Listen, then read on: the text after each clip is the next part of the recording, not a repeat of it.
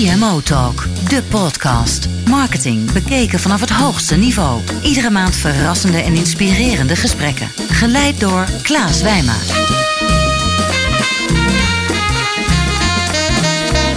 Welkom bij CMO Talk. Mijn naam is Klaas Wijma van Energize en mijn gast vandaag is Peter Deur. Peter is Chief Commercial Officer bij het prachtige Ziggo, het kabelbedrijf Ziggo. Maar ze doen natuurlijk veel meer dan kabelaar alleen. Daar gaan we het natuurlijk straks over hebben. En ja, Peter, van harte welkom. Je komt echt net uit het vliegtuig. Ja. Gerend hè, vanuit China. Maar ook nog met een grote glimlach. Want afgelopen weekend is natuurlijk iets prachtigs gebeurd. Ja, dat was natuurlijk een fantastisch weekend. Hè? Max Verstappen, wat een baas zeg. Wat een baas. Ja, dat is Mooi, echt hè? geweldig. Ja. Ja, als je dat ziet, dan zit je echt met kippenvel voor de tv. Kan ik, kan ik me voorstellen. Dat hebben we natuurlijk allemaal gedaan. En voor Ziggo natuurlijk ook prachtig. Dit is natuurlijk voor ons geweldig. We Ja. hebben op het hoogste punt hebben we uitgerekend bijna anderhalf miljoen mensen gekeken naar de uitzending. Ja, dat is een, echt een record voor ons. Dat is fantastisch. Een grommende NOS waarschijnlijk. Maar eh, Ja, zo is het altijd. Een beetje, een beetje nijd is er dan onderling natuurlijk wel. Toch een beetje jaloezie, denk ik dan maar weer. Ja. Maar ja, betekent Nou. dat we het goed gekozen hebben. perfect. Van harte welkom eh, Peter. En dank voor je tijd. CMO Talk, aangeboden door Tijdschrift voor Marketing. Discussieer mee op hashtag CMO Talk. Ik wil graag eh, naar de eerste vraag. En ik vraag me af wat voor kijker jij bent. En het leek me leuk om te beginnen met een multiple choice vraagje.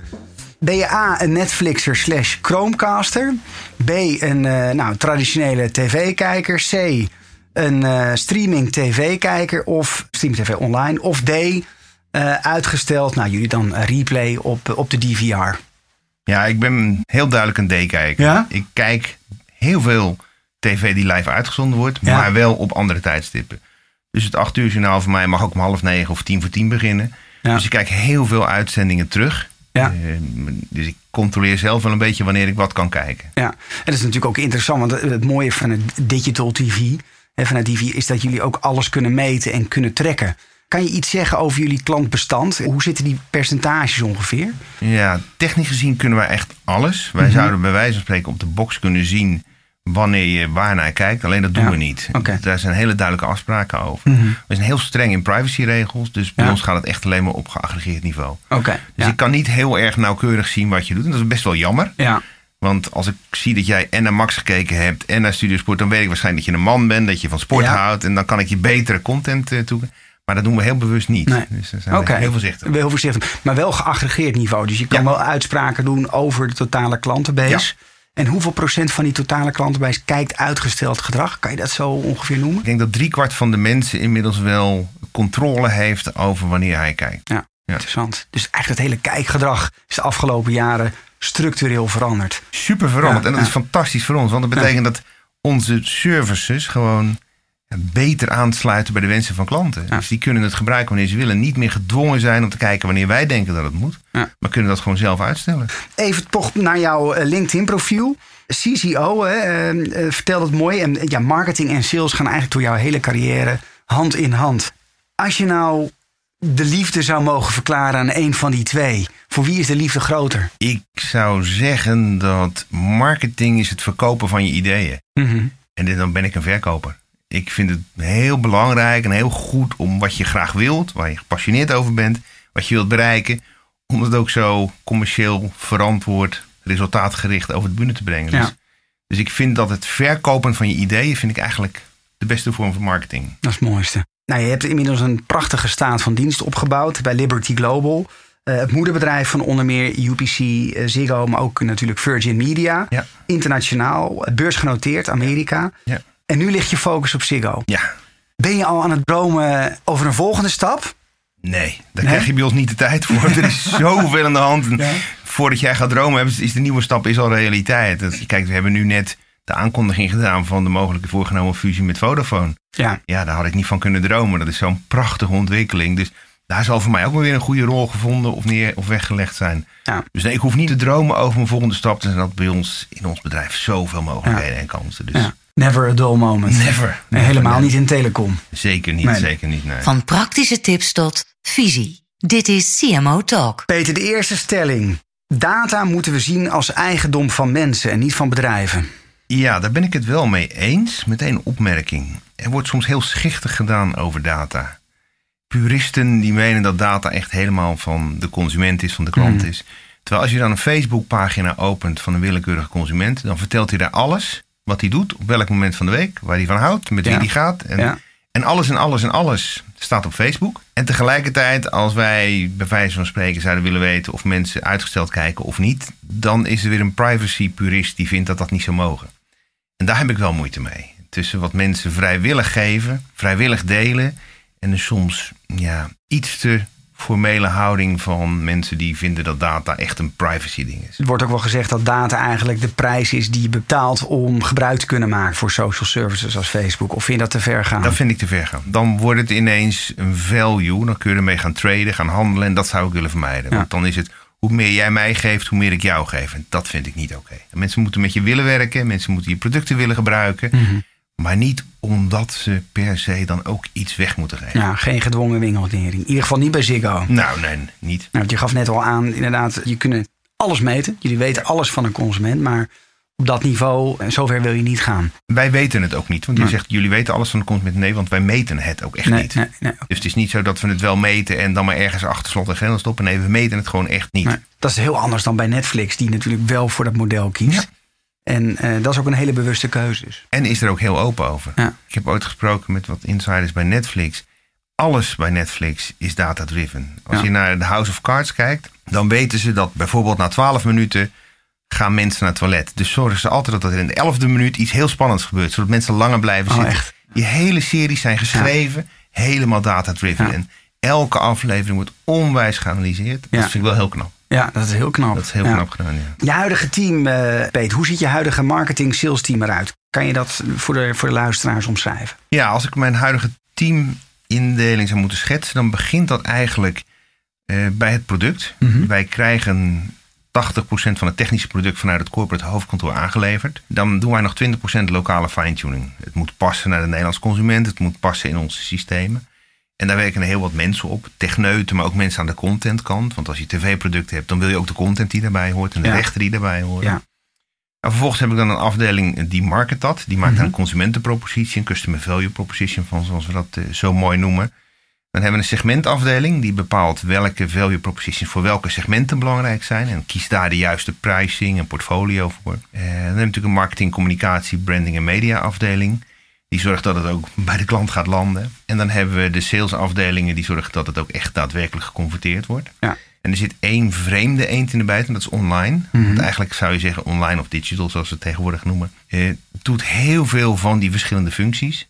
Dus je zou ervoor kunnen kiezen om alle online afdelingen in die verschillende functies te stoppen. Ja. Maar ik heb ervoor gekozen om het voorlopig nog tot één tak te benoemen. Zodat ik ook heel gefocust blijf dat digital ons speerpunt is. Ja. Is dat jullie uitdaging? Willen jullie meer digital in de totale mix? Ja, klanten verwachten van een bedrijf als het onze, wat internetdiensten levert, Mhm.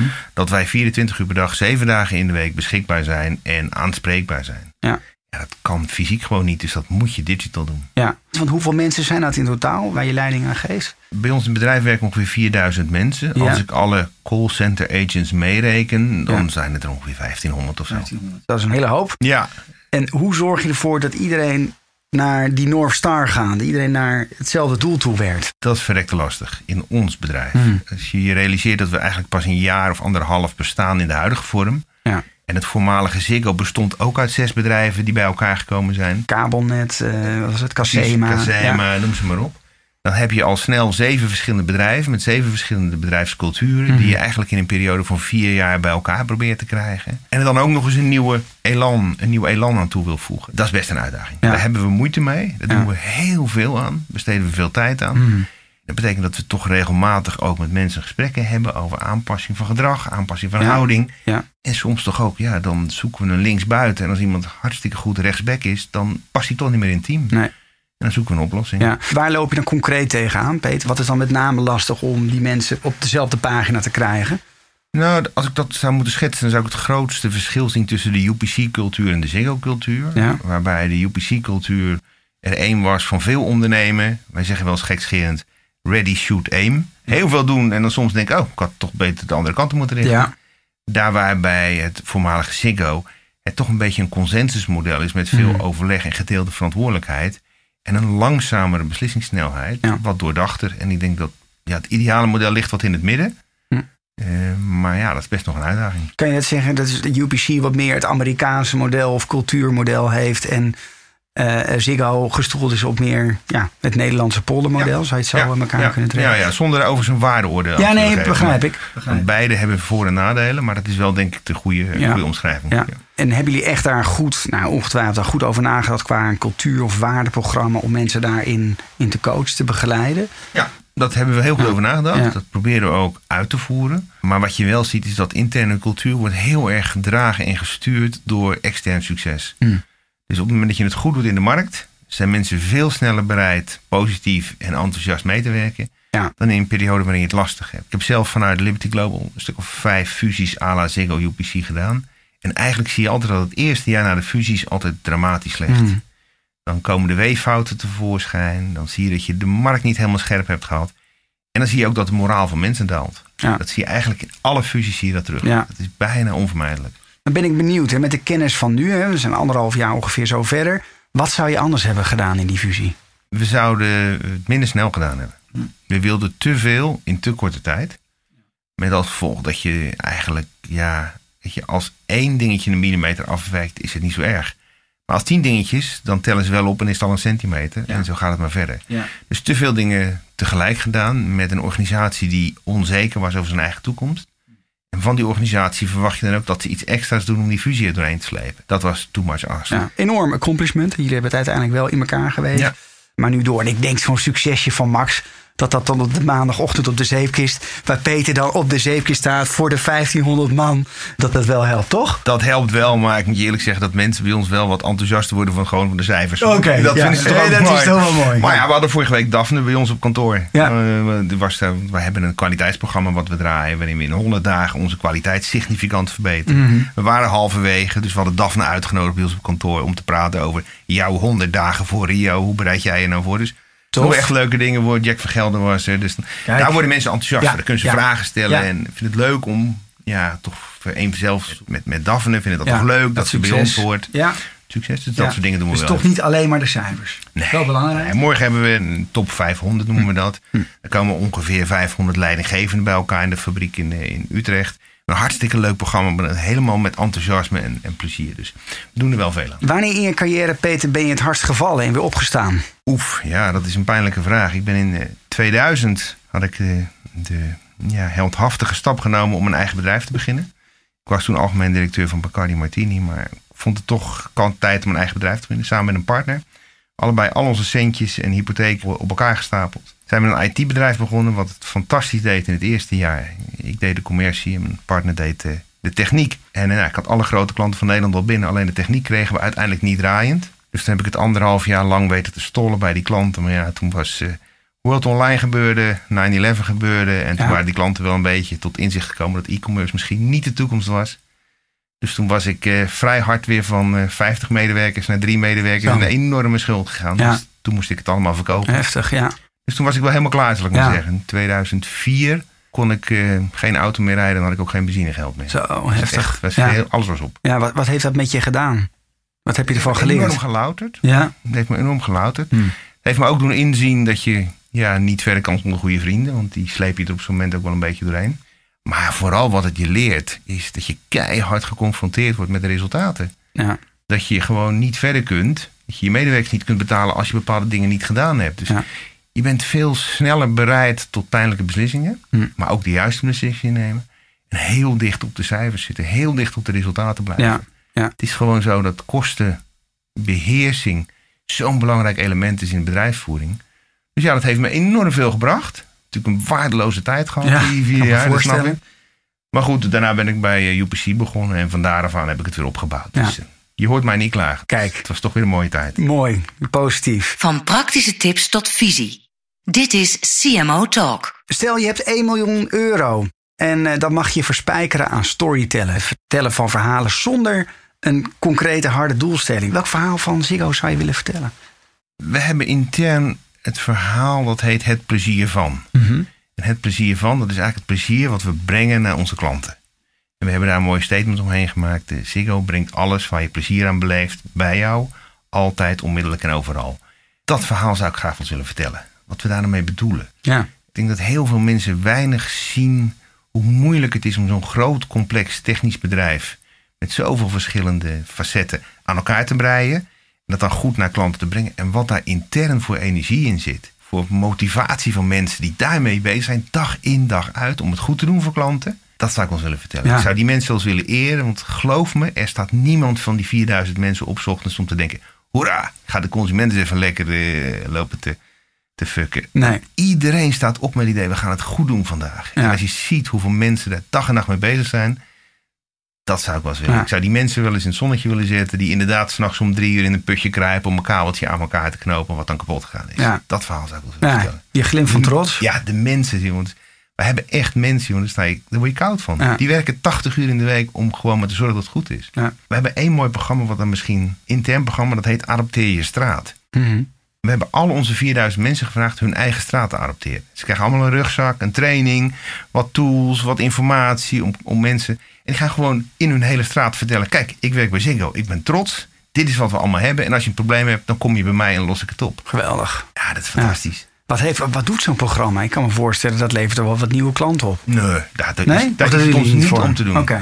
Waar we het om doen is A, mensen heel erg betrokken te maken bij hun eigen producten ja. en bij het bedrijf. B, vergis je niet, twee jaar geleden als je op een verjaardag zat, dan wilde je niet vertellen dat je bij Ziggo nee. werkt hoor.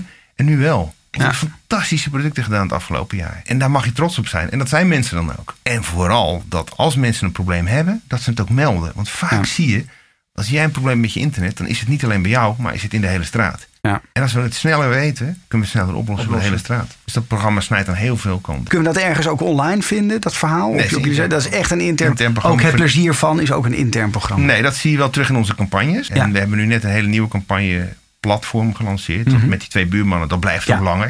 Ja. Dat is eigenlijk de eerste keer dat we een platform gecreëerd hebben wat langer door blijft gaan. We hopen Mhm. dat we hier toch wel een paar jaar mee door kunnen. Ja. Tweede stelling. Corporates kunnen de innovatiekracht van start-ups nooit evenaren. Dat is waar en niet waar. We kunnen de snelheid niet evenaren. Mhm. Want natuurlijk als je met z'n drieën in een hokje zit en je kunt snel iets doen, ben je altijd sneller. Ja. Maar tegelijkertijd is er geen start-up die onze financiële kracht kan evenaren. Met alle respect, maar zelfs onze concurrenten in de Nederlandse markt kunnen niet zoveel geld stoppen in innovatie als wij kunnen. Het Horizon-platform, dat kan geen enkel bedrijf in Nederland. Ziggo had dat alleen nooit gekund. Nee. Maar omdat Liberty het voor heel Europa ontwikkelt, kunnen we Ja. er enorm veel geld in stoppen. Ja. En kunnen we een superieur platform voor onze lokale klanten. Er komen nog een paar nieuwe innovaties aan die echt zo kapitaalsintensief Ja. zijn geweest. Dat wij dat kunnen omdat we een groot bedrijf zijn.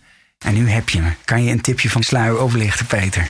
Ja, we komen met een, eh, een wifi-platform. Nieuw wat wij dan noemen modem aan. Een IMTA, zoals dat Mhm. zo heet.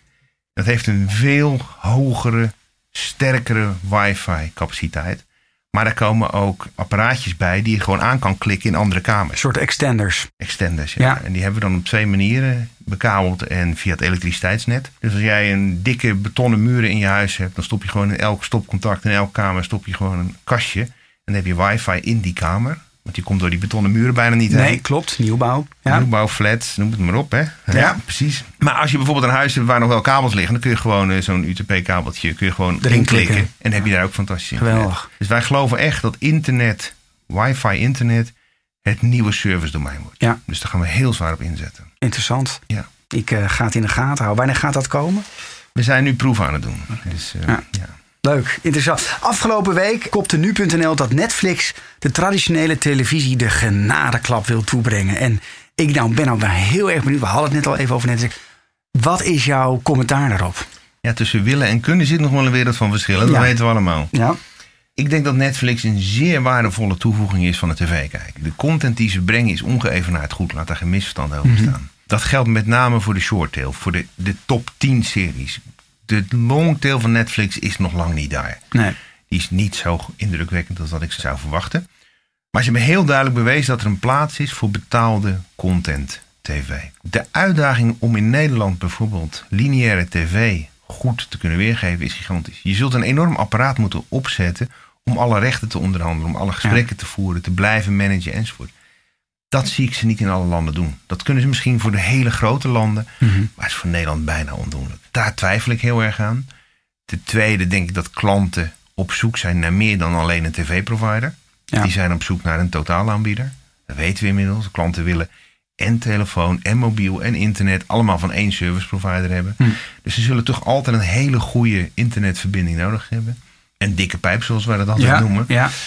En ja, dus voor mij is Netflix gek genoeg bijna een zegen. Want het Ja. bewijst dat snel internet een belangrijke voorwaarde voor Ja. klanten is. ja, dat is een belangrijk platform, want zonder dat kan je niet verder. Dus je ziet in niet Netflix echt dat kader een concurrent. Een concurrent. Netflix is zeker een concurrent, want het is de share of wallet. Dus Ja, denk nou niet dat ik denk dat Netflix alleen maar vriend is van ons. Mhm. Dat geloof ik ook niet. Dat is ook de reden waarom we blijven investeren in ons eigen platform. Ja.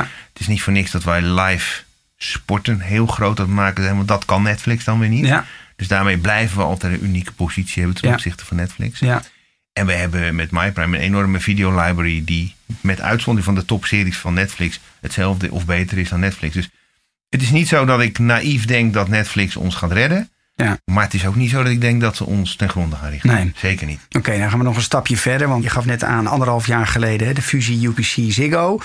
En nu staat er alweer een nieuwe fusie eh, voor de Ja. deur, namelijk die met Vodafone. Ja. En dat wordt natuurlijk wel heel erg spannend. En ik ben benieuwd, wat gaan klanten daarvan merken? Weet je, je ziet is eigenlijk heel eerlijk gezegd komt die fusie een jaar te vroeg. Hmm. Ik had heel graag nog even Ziggo UPC fusie netter afgehecht dan het nu is. Ja. Maar ja, wat wij intern zeggen, het huis van de buren komt maar één keer te koop. Dus Ja. als de kans er is, dan pak je hem. Dat is de typische Liberty manier. En dan maak je daar absoluut een succes van. Ja, wat klanten daarvan gaan merken in eerste instantie is eigenlijk alleen maar voordelen. Want als je kijkt naar onze base en de Vodafone base, dat is natuurlijk een base waar nogal wat overlap in zit. Dus Mhm. Ja. die klanten krijgen in één keer een 4P, zoals we het noemen. Ja. Een vier productenpakket. Ja, en gaan daar voordelen uitzien. Welke voordelen, dat weet ik gewoon echt nog niet. Nee. Het is zo vroeg in het stadium. Het is allemaal zo gereguleerd. Ja. Dat ik nog niet eens gesproken heb met de marketingmeneer van Vodafone. Daar Nee. zijn hele strikte protocollen Ja. voor. Dat wordt door een, door een strenge consultant allemaal gemonitord. Er zitten altijd legal mensen bij. Er is nog niet een idee van een commercieel plan. Nee, en dat is ook maar de vraag of het wordt goedgekeurd door de Europese. Commissie. Dus voor die tijd mag Ja, je ook helemaal nee. niks. We hebben niet meer Nelly Kroes daar zitten op die positie, Nee. dus dat scheelt wellicht. Ja, ja. Hoewel haar opvolgers hetzelfde beleid hanteren. Dus- maar we gaan het zien. Erg spannend in ieder geval. Jullie zetten in ieder geval met de introductie van Ziggo Sport weer frontaal de aanval in op concurrent KPN. Ik mag dat wel echt wel een concurrent noemen. Wat valt er nou verder nog te winnen om die race om de klant? Het is niet alleen maar prijs, het is toegevoegde waarde. Het is zeker geen prijs. Nee. Als je kijkt naar de prijzen in Nederland, die liggen eigenlijk min of meer vergelijkbaar. Wij Mhm. zijn ongeveer 2,50 per pakket goedkoper dan KPN. Maar de prijzen in Nederland liggen laag. Vergelijkend met omringende landen, vergelijkend met Amerika, ligt de prijs überhaupt laag. Waar zit voor ons de toegevoegde waarde going forward? Zit hem niet meer in nog meer van hetzelfde. Zit hem in het bekendmaken van wat we hebben. Als ik de 10 features van onze pakketten zou opnoemen, dan denk ik dat je de helft ervan niet kent. En dat is een beetje ons dilemma. Ja. We hebben een heerlijke soep, Ja, maar we slagen er niet altijd in om alle ingrediënten van de soep duidelijk te er maken. zitten ook vleesballetjes in. Er zitten ook vleesballetjes in, er zit vermicelli in, er zit groente in, er zit tomaten in, nou noem het maar op. En dat moeten we onze klanten duidelijker gaan maken. Dus ik hoef, ook van onze product development heb ik ook gezegd, ik hoef niet nog meer nieuwe dingen. Geef me even de tijd om klanten uit te leggen wat een geweldige dingen we allemaal al hebben. En dat is een uitdaging. Ja. Dus, dus daar gaan we klanten mee winnen. Het duidelijk maken wat ze hebben aan onze producten. Er zit zoveel meer in dan ze weten. Wat, wat is nou eh, de- die feature die KPN niet heeft, waarvan heel veel mensen weg, hey, dat weet ik nog helemaal niet dat Ziggo dat heeft. Gratis replay. Bij ons kun je gratis tot zeven dagen terug bijna alle programma's kijken. Alleen de programma's waar we de rechten niet van konden kopen. Mhm. Ja, Eh, Bij KPN betaal je voor elke uitzending gemist betaal je tot een euro geloof ik of zo. Oké, ja. Dus als je vijf keer in de maand even terugkijkt, dan is je pakket ineens vijf euro duurder geworden. Dat is bij ons gratis. ja, Zowel op je mobiele telefoon, als op je iPad, als op je laptop, als op je tv. ja. Overal gratis terugkijken. Ja. Nederland heeft niet zoveel met falen. Nou, je, je gaf net al een prachtig persoonlijk voorbeeld vanuit je eigen bedrijf, start-up wat je hebt gehad. Maar in Amerika, het, het land van liberty, de- dan ben je een held als je faalt. En het liefst als je drie keer failliet bent gaan, dan weet je echt hoe het moet. Maar in Nederland, ja, dan ben je, ben je natuurlijk een loser. Zie je die cultuureigenschap ook echt terugkomen in het Amerikaanse Liberty en het van oudsher Nederlandse Ziggo? Ja. ja, het is wel leuk dat je dat zegt. Want in de fase dat mijn bedrijf dus ophield te bestaan, heb ik er alles aan gedaan om het niet failliet te laten gaan. Ik heb het geliquideerd. Dus ik ben al mijn schuldeisers. Ja. Een half jaar zonder salaris gewerkt om het maar niet failliet te laten Ja. gaan. En die Amerikanen zeiden tegen me, Ik ben gek. je bent gek, waarom Ja. laat je niet gewoon failliet gaan? Ja. Dat is de mentaliteit. echt. precies. Ja. Dus, de kruid, toch de kruideniersmentaliteit waarschijnlijk. ja, ja, toch de trots. Weet je, Ja, dat je, je ja. wilt niet op je cv hebben staan, ik ben Nee. failliet gegaan. Ik kan nu zeggen, ik heb het verkocht. Ja. Dik verlies, maar Ja, ik heb het wel ja, verkocht. weet precies. je. Dat is Ja, gewoon ja. mentaliteit.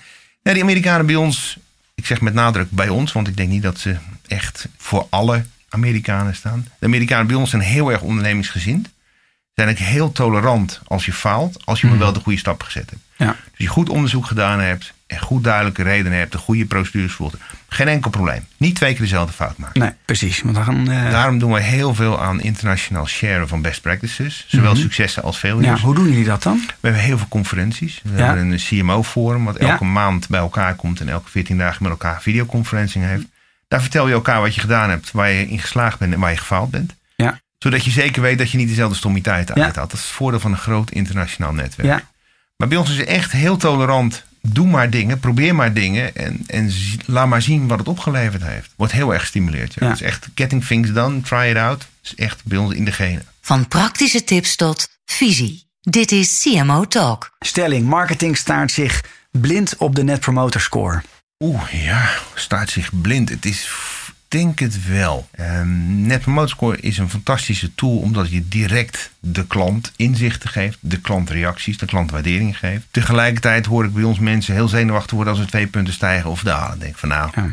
dat is niet zo. Je moet ook gewoon met gezond verstand naar je winkel kijken, naar je werk kijken, naar je producten kijken. Als jij nou klant bent, zou je dit dan fijn vinden of niet? Dat vind ik eigenlijk bijna de belangrijkste graadmeter.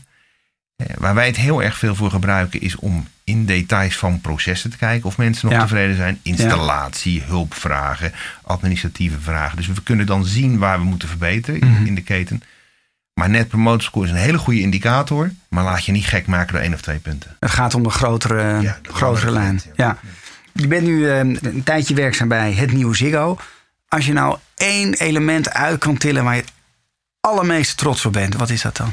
Ja, dat blijft toch replay. Ja, Dat is zo'n fantastisch. De klanten die replay gebruiken gaan ook niet meer weg. Die zijn er zo enthousiast over. Daar scoren we een NPS op van dik in de positieve.